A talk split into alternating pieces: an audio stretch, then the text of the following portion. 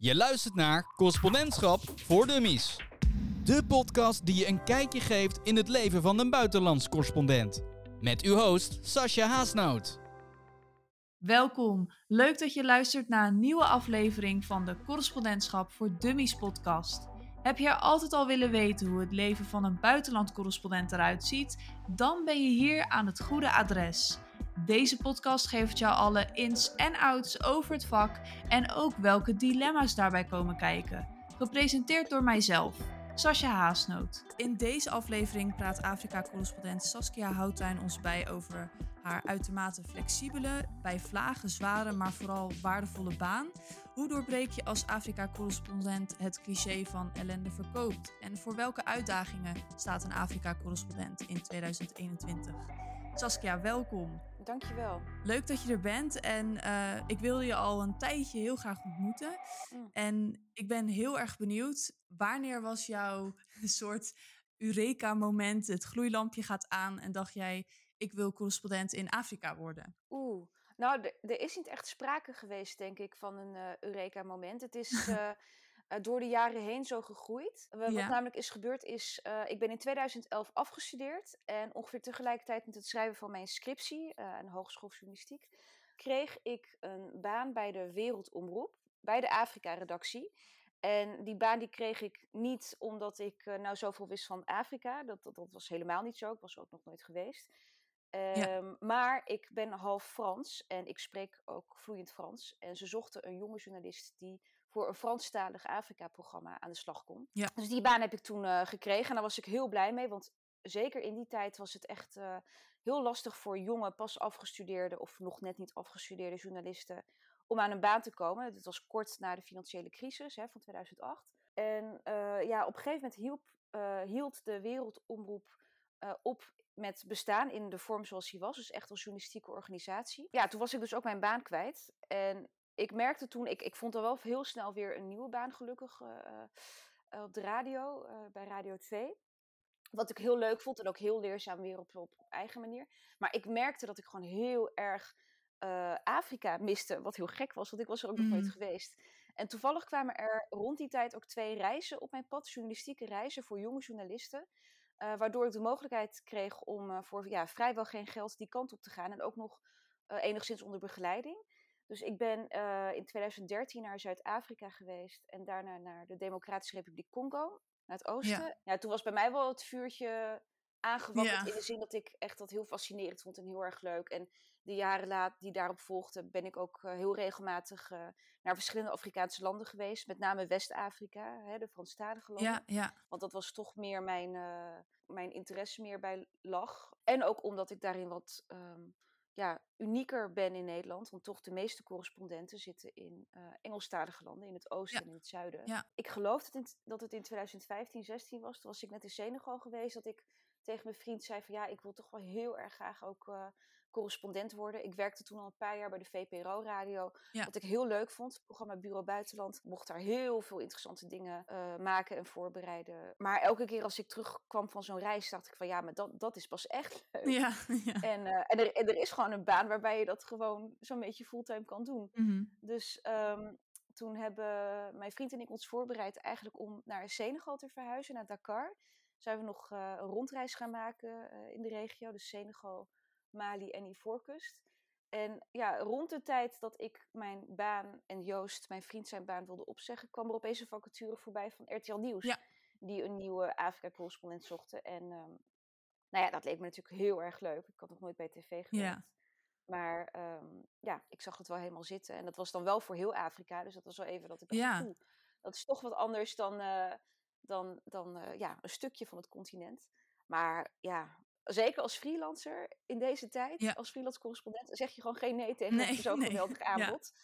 Dus, um, dus dat heb ik met beide handen aangegrepen en uh, toen, heb, toen ben ik het geworden. Ja. En toen zijn we dus niet naar Senegal, maar naar Kenia verhuisd. Kenia verhuisd, ja. ja. Want nu ben je dus Afrika-correspondent voor RTL Nieuws. En daarna ja. schrijf je onder andere ook voor Trouw, zag ik. Klopt. Uh, heb je voor The Guardian geschreven, De Standaard en El País.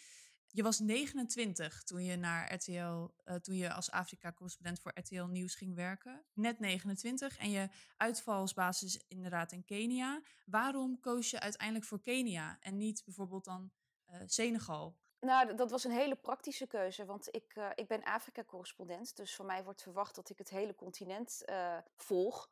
Nou is het natuurlijk wel zo dat ik niet elk land even goed volg. Ik bedoel, de kleinere landjes waar minder gebeurt of hè, minder aandacht voor is, dat, ja, weet je, die volg ik niet op een dagelijkse basis. Uh, feit is wel dat ik, als er iets groots gebeurt in Zuid-Afrika of in Mali... of in Congo of in Ethiopië, dat ik daar snel naartoe moet kunnen. En ja, dan is Nairobi simpelweg de handigste plek om te zitten. Want je zit dan vrij centraal in het continent. Het is echt een hub. Dus ook allerlei internationale organisaties zitten daar. Dus je hebt gewoon heel veel vluchten ook die alle kanten op gaan. Dus als ik ja, snel in Mozambique moet zijn, omdat daar net een, een cycloon heeft geraast, wat twee jaar geleden is gebeurd, dan kan ik gewoon een directe vlucht nemen naar het land. wat ook nog eens redelijk betaalbaar is.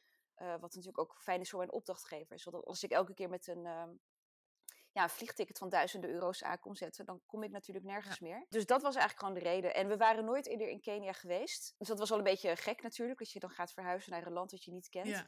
Maar ja, ik kende de regio wel een beetje. Ik was in Oeganda en Rwanda geweest. En um, omdat het ook echt bekend staat als een, ja, de regionale hub. Dus dat er mhm. heel veel uh, mensen wonen en ook meer correspondenten, heel veel journalisten dacht ik wel van ja, dat, dat uh, loopt vast wel los, komt wel goed. Het is vast wel een prima stad om te wonen. En dat is ook zo. En, en hoe was het om in coronatijd berichtgeving te doen?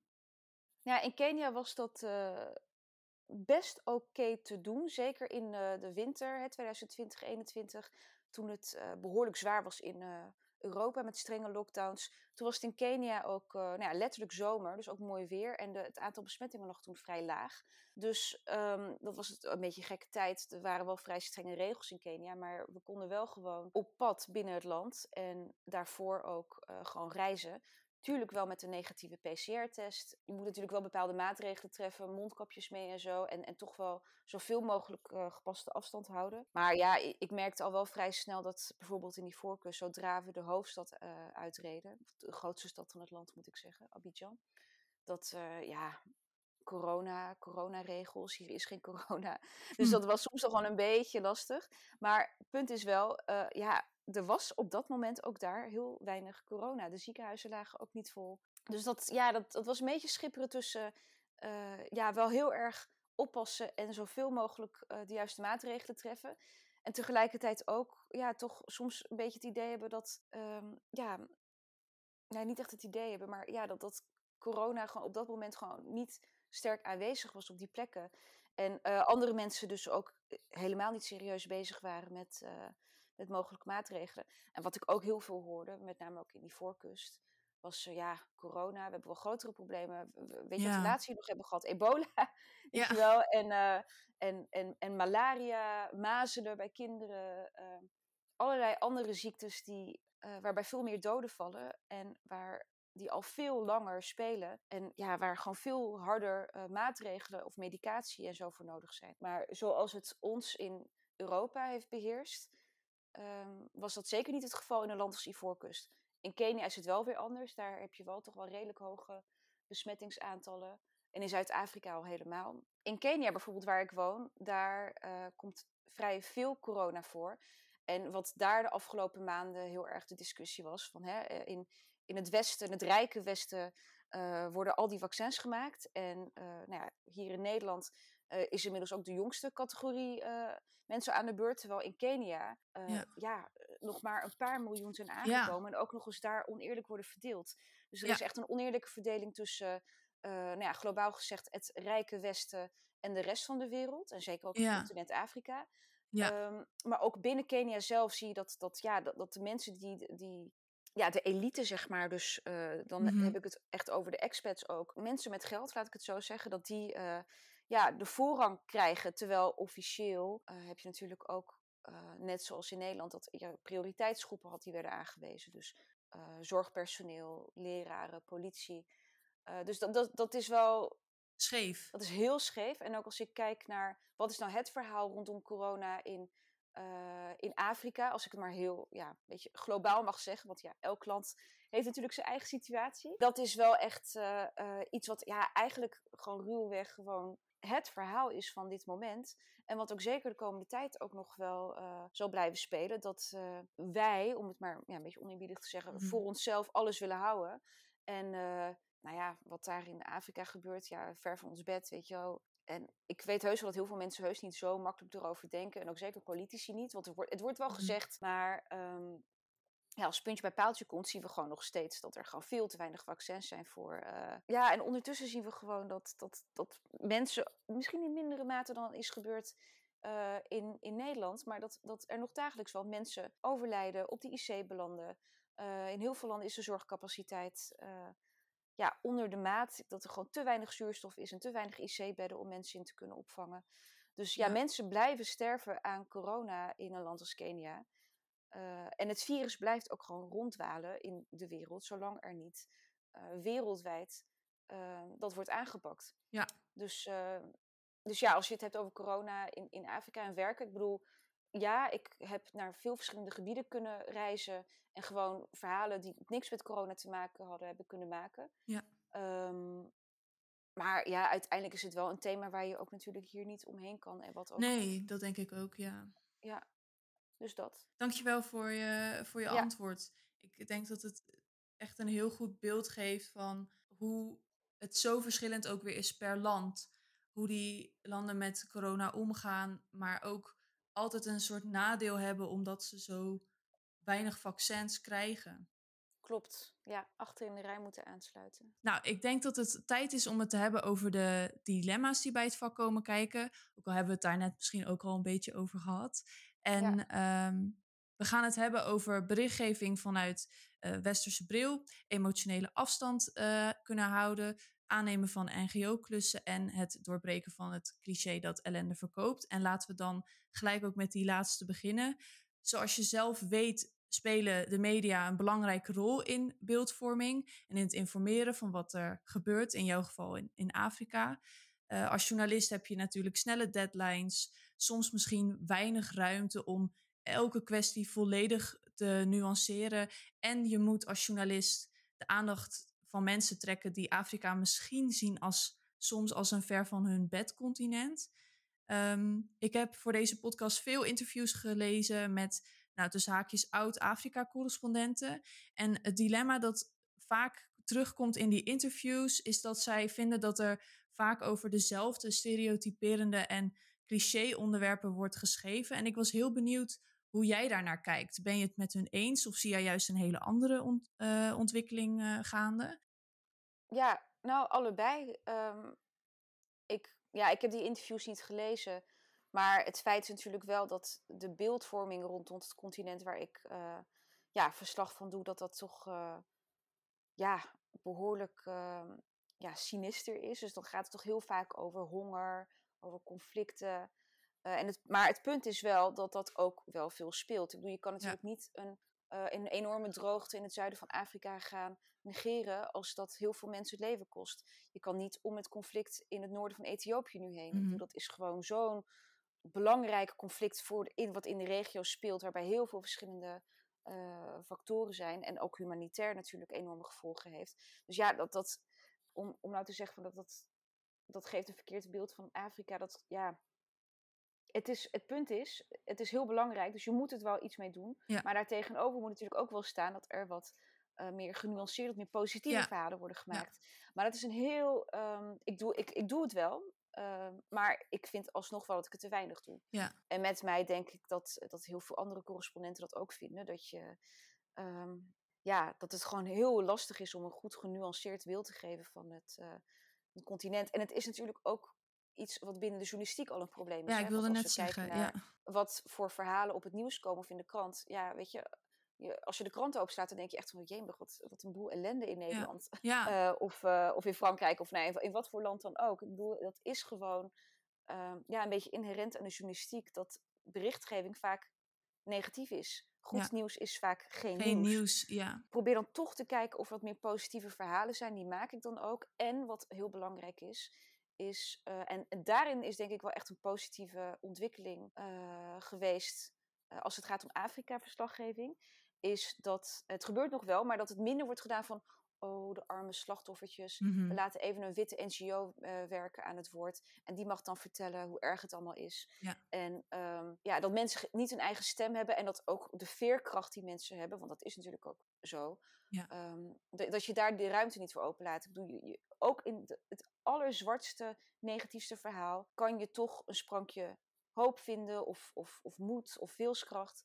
En ehm, ik vind dat je daar als journalist ook wel oog voor moet hebben. Dat, ehm, ja, dat je mensen dus niet neerzet als, ehm, ja, als mensen zonder stem. Ja, als Eh, slachtoffers alleen maar. Als slachtoffers zonder naam. Ja. Ja, Dus ja. als je, en dat, dat was natuurlijk heel lang het geval. Dat, dat ja, hoe zou ik het zeggen? Dat, dat er gewoon geen aandacht werd besteed aan, aan hen als een individu. Laat Ja. ik het zo zeggen. En tuurlijk, he- he- heel vaak is dat ook zo. Hè? Dat, dat je Mhm. komt ergens aan en eh, ja, er zijn net 60.000 vluchtelingen de grens overgestoken. Dat moet je natuurlijk wel zo benoemen. Maar goed, het belangrijke is dan wel om het niet het als een grote homogene groep te gaan behandelen, maar dan wel te gaan kijken, te gaan focussen op individuele verhalen. Die weliswaar wel staan voor iets groters, maar waar- waarbij je wel dus echt aandacht hebt voor het persoonlijke verhaal of het verhaal van één of twee personen. Ja, op die manier denk ik dat je al veel genuanceerdere, ehm, meer ja, menselijke journalistiek bedrijft. En ik denk dat dat wel heel goed gaat.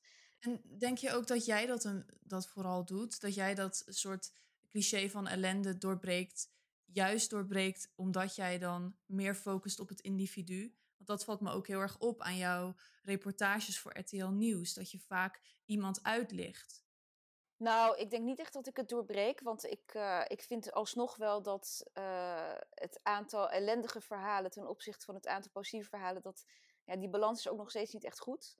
Ehm, Mhm. Maar ja, dat, dat blijft denk ik gewoon een hele lastige. Ehm, en ik denk eerlijk gezegd ook niet dat ik heel erg uniek daarin ben. Ehm, ik, doe, ja, ik, ik doe dat en ik ja. kijk ook wel naar collega's nou ja, die dat dus doen. Dat vind ik dan ook vaak gewoon de beste verhalen. En tuurlijk zijn er ook nog steeds echt eh, toch met name verhalen van mensen die het continent niet kennen. eh, die van, ja, misschien van vanuit het buitenland even komen overgevlogen. Vanuit, Even overvliegen, ja. ja, en ja, dan, dan heb je al heel snel de clichés en de, de, ja, toch een beetje de vervreemding ten opzichte van, oeh, wat daar gebeurt. Nou ja, weet je, dat, dat zie je dan wel sneller. Maar ik denk dat over het algemeen het wel een tendens is die, eh, die ja, al wel langere tijd nu eh, gaande is. En wat daar ook wel bij helpt, is dat, ehm, nou, niet in de Nederlandse journalistiek, want dat is natuurlijk wat lastiger, maar dat met name de Engelstalige en de Franstalige pers ehm, een veel groter aandeel lokale journalisten heeft aangenomen. Dus ehm, nou ja, bijvoorbeeld de correspondent van de New York Times in Nairobi, dat is een, eh, een man die van oorsprong uit Somalië komt. En Ja. ja, ja weet je, en dat, dat heb je in heel veel andere landen ook. Dat de, dat de correspondenten mensen zijn die uit de regio zelf komen. Eh, ja, sommigen Ja. hebben wel langere tijd misschien in het Westen gewoond. Of hebben daar de journalistiekopleiding gedaan. Dat kan allemaal. Maar die hebben al een, ehm, ja, een hele andere en ik denk ook wel een hele waardevolle en in, in veel opzichten ook wel een betere kijk op wat er gebeurt. En die kunnen ook veel sneller zeggen van ja, maar dit is echt ja, zo'n cliché verhaal. Hebben jullie daar al naar Ja. gekeken? Dit is ook wat er speelt. En dat staat nog niet in de krant, maar dus op die manier krijg je ook wel veel ehm genuanceerder. Zij kijken meer naar, ja, zij kijken misschien meer naar representatie ook. Ja, precies. Denk je ook dat ze een beetje de westerse blik testen en, en dan journalisten daarop wijzen van nee, sorry, dit is echt eh, te Ja. westers of eh postkoloniaal. Dit moet echt Zeker. anders. Ja, ik weet natuurlijk niet precies wat daar gebeurt achter de schermen, maar eh, je ziet gewoon dat de berichtgeving daardoor ja, wat anders wordt. En dat het niet alleen maar ehm, ja, Orientalisme. ik wil niet zeggen dat het daarvoor helemaal zo was, want er zijn genoeg westerse journa- journalisten die eh, heel goed werk doen. Maar eh, het is diversiteit in het medialandschap is, is gewoon heel erg belangrijk. En dat is in Nederland zo, op de werkvloer, maar ook zeker als het gaat eh, om, om buitenlandverslaggeving en om correspondenten voor westerse media. En ja, wat ik al zei, voor Nederland is dat natuurlijk wat lastiger, want ehm, ja, je moet natuurlijk wel mensen hebben die Nederlands spreken Ja. en kunnen schrijven. En dan is het natuurlijk ook heel waardevol als je mensen hebt vanuit de diaspora die, die hun aandeel daarin hebben. Maar dat, ja, het is natuurlijk heel anders als je het hebt over Engelstalige en Franstalige eh, gebieden. Want dat is nu eenmaal ook heel vaak de taal die wordt gesproken in de veel Afrikaanse Ja. landen. En ehm, over die westerse bril, heb jij zelf ook dat je wel eens bij producties afvraagt van oké, maak ik het nu te veel uit een westers oogvlak? Test je jezelf daar ook op? Ja, nou ja, tuurlijk. Ik ben me daar wel van bewust. Niet de hele tijd, uh, uiteraard. Maar ik probeer altijd wel even bij mezelf na te gaan van... oh, uh, ga ik hier niet veel te kort door de bocht? Of uh, ja, hoe, hoe schrijf ik dit op? Weet je wel, heb ik nu... Zou ik dat ook zo hebben gedaan als het over Nederland was gegaan? Dat, daar probeer ik me altijd ah, wel, ja.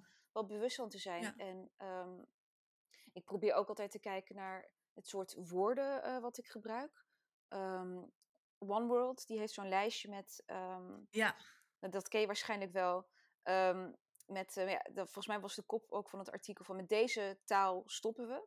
Uh, of met deze ja. nekoloniale taal. Ik weet niet precies wat het was. Maar ja, dat zijn dan vaak van die, van die begrippen. Uh, met name ook als het gaat over berichtgeving vanuit, vanuit Afrika.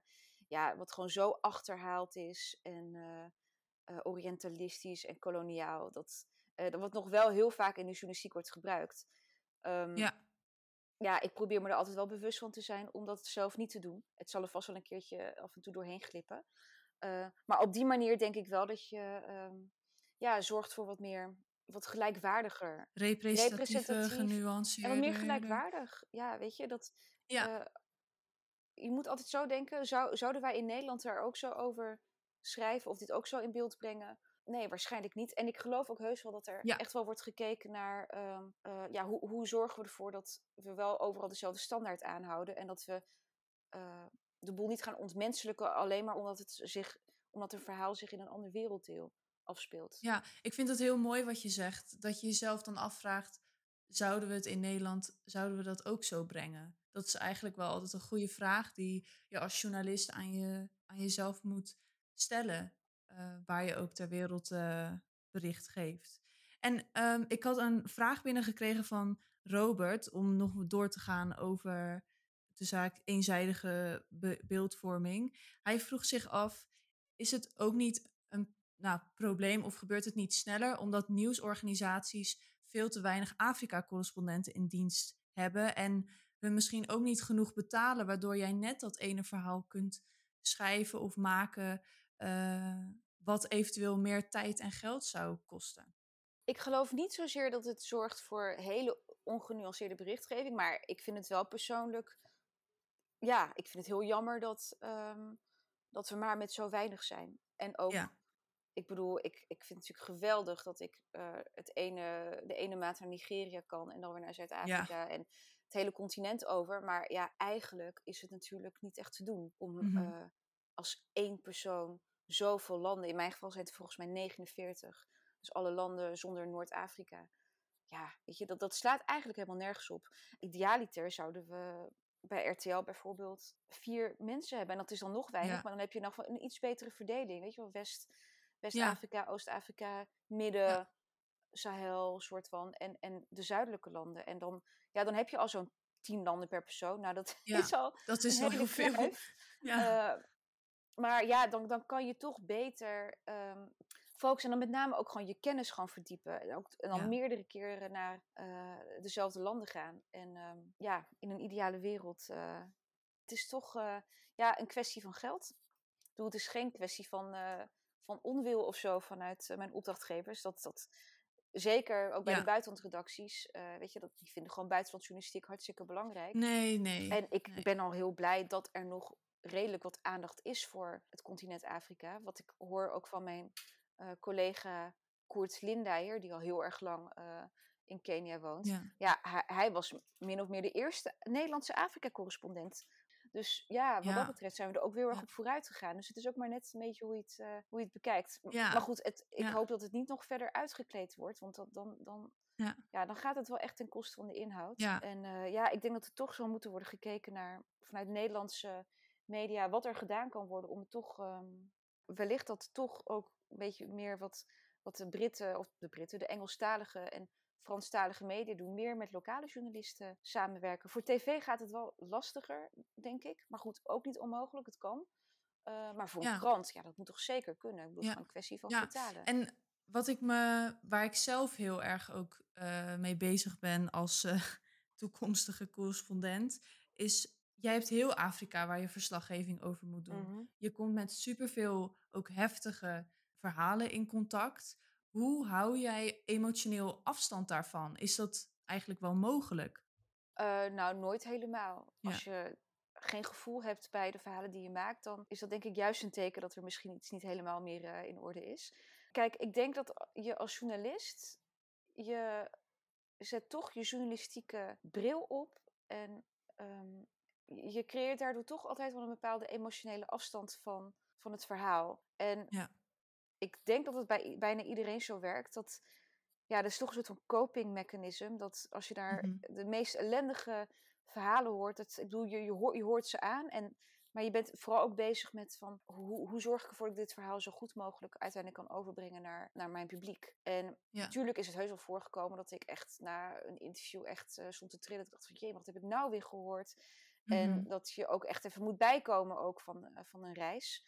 Maar ehm, Kan je een Ja. verhaal geven waarbij je het wel echt lastig vond om die afstand te bewaken? Of waar, waarna toen je dat hoorde je echt wel aan het trillen was?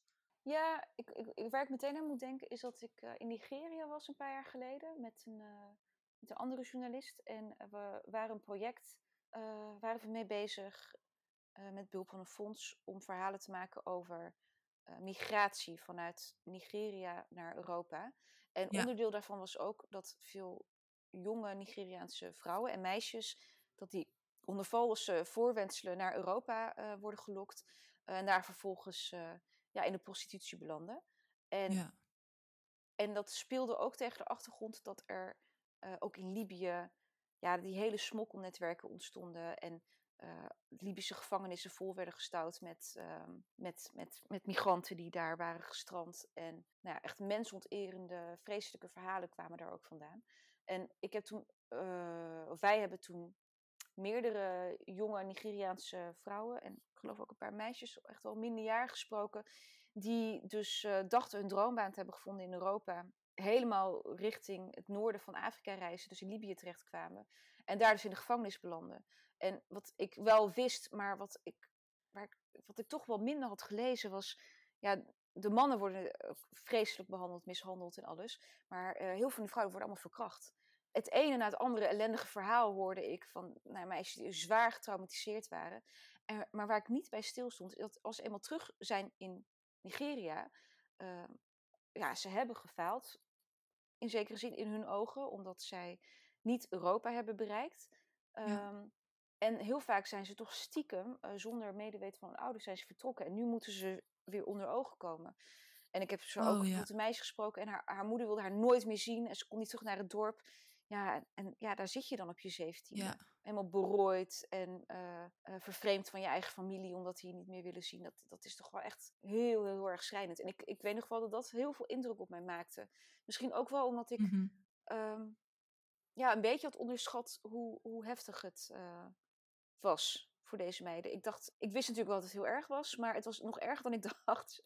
En ja, Ja. misschien ook wel omdat je zelf, omdat ik natuurlijk zelf ook vrouw ben, dat je toch wel nog iets meer Ja, ja, je ik wilde het net vragen. Misschien dat dat het ook is, inderdaad. Je bent ook vrouw en je bent ook gewoon mens. Dat, dat natuurlijk in de eerste plaats. Ja. ja. Ja, Nou, wat ik net al zei, al- als zo'n verhaal je totaal niet eh, kan beroeren, dan dat lijkt me toch ook wel een beetje gek. Maar goed, je, er is natuurlijk bij zoveel wat je emotioneel kan toelaten. Eh, als je elke avond eh, ja, huilend in slaap valt omdat je zulke eh, vreselijke verhalen hebt gehoord. Dat, ik bedoel, dat kan. En zeker als het je te veel wordt, dan, dan weet je, dat, ik geloof echt wel dat elke journalist wel misschien zo'n periode kan meemaken. Maar Ja. ehm, ja, je, je moet wel die journalistieke distantie hebben. Die afstand bewaren. Ja. Dat Ja. moet wel. Ja. Anders dan, dan, dan, Ja. dan, ja, dan eist het gewoon te veel tol van jezelf. Ja, ja ik Ja. vind het heel goed hoe je genuanceerd je dit ook zegt. Van dat misschien elke journalist wel zo'n periode meemaakt. En eh, dat het ook een soort reality check is dat het je nog heel veel doet. Ja, dan is er eigenlijk nog één kwestie die ik graag eh, nog zou willen bespreken. En dat is het aannemen van NGO-klussen. Daar hebben wij ook al een beetje mailcontact over eh, gehad. Er zijn journalisten die dat doen. Wat ik vaak lees in, in essays en wat ik een beetje lees op One World en wat ik ook te horen kreeg van luisteraars is dat soms niet zo goed aan de orde wordt gesteld dat hulporganisaties ook een, een eigen agenda hebben. Ehm, net zoals bedrijven dat hebben of overheidsorganisaties. En het natuurlijk wel fijn is dat de organisatie zelf zo positief nieuws in, positief mogelijk in het nieuws voorkomt. Jij zei zelf in ons mailcontact dat jij bewust alleen journalistiek bedrijft. Hoe kijk jij naar het aannemen van NGO-klussen als journalist? Um, ja, er zijn ook zeker uh, journalisten die dat doen. Ja. Um, heel veel zelfs.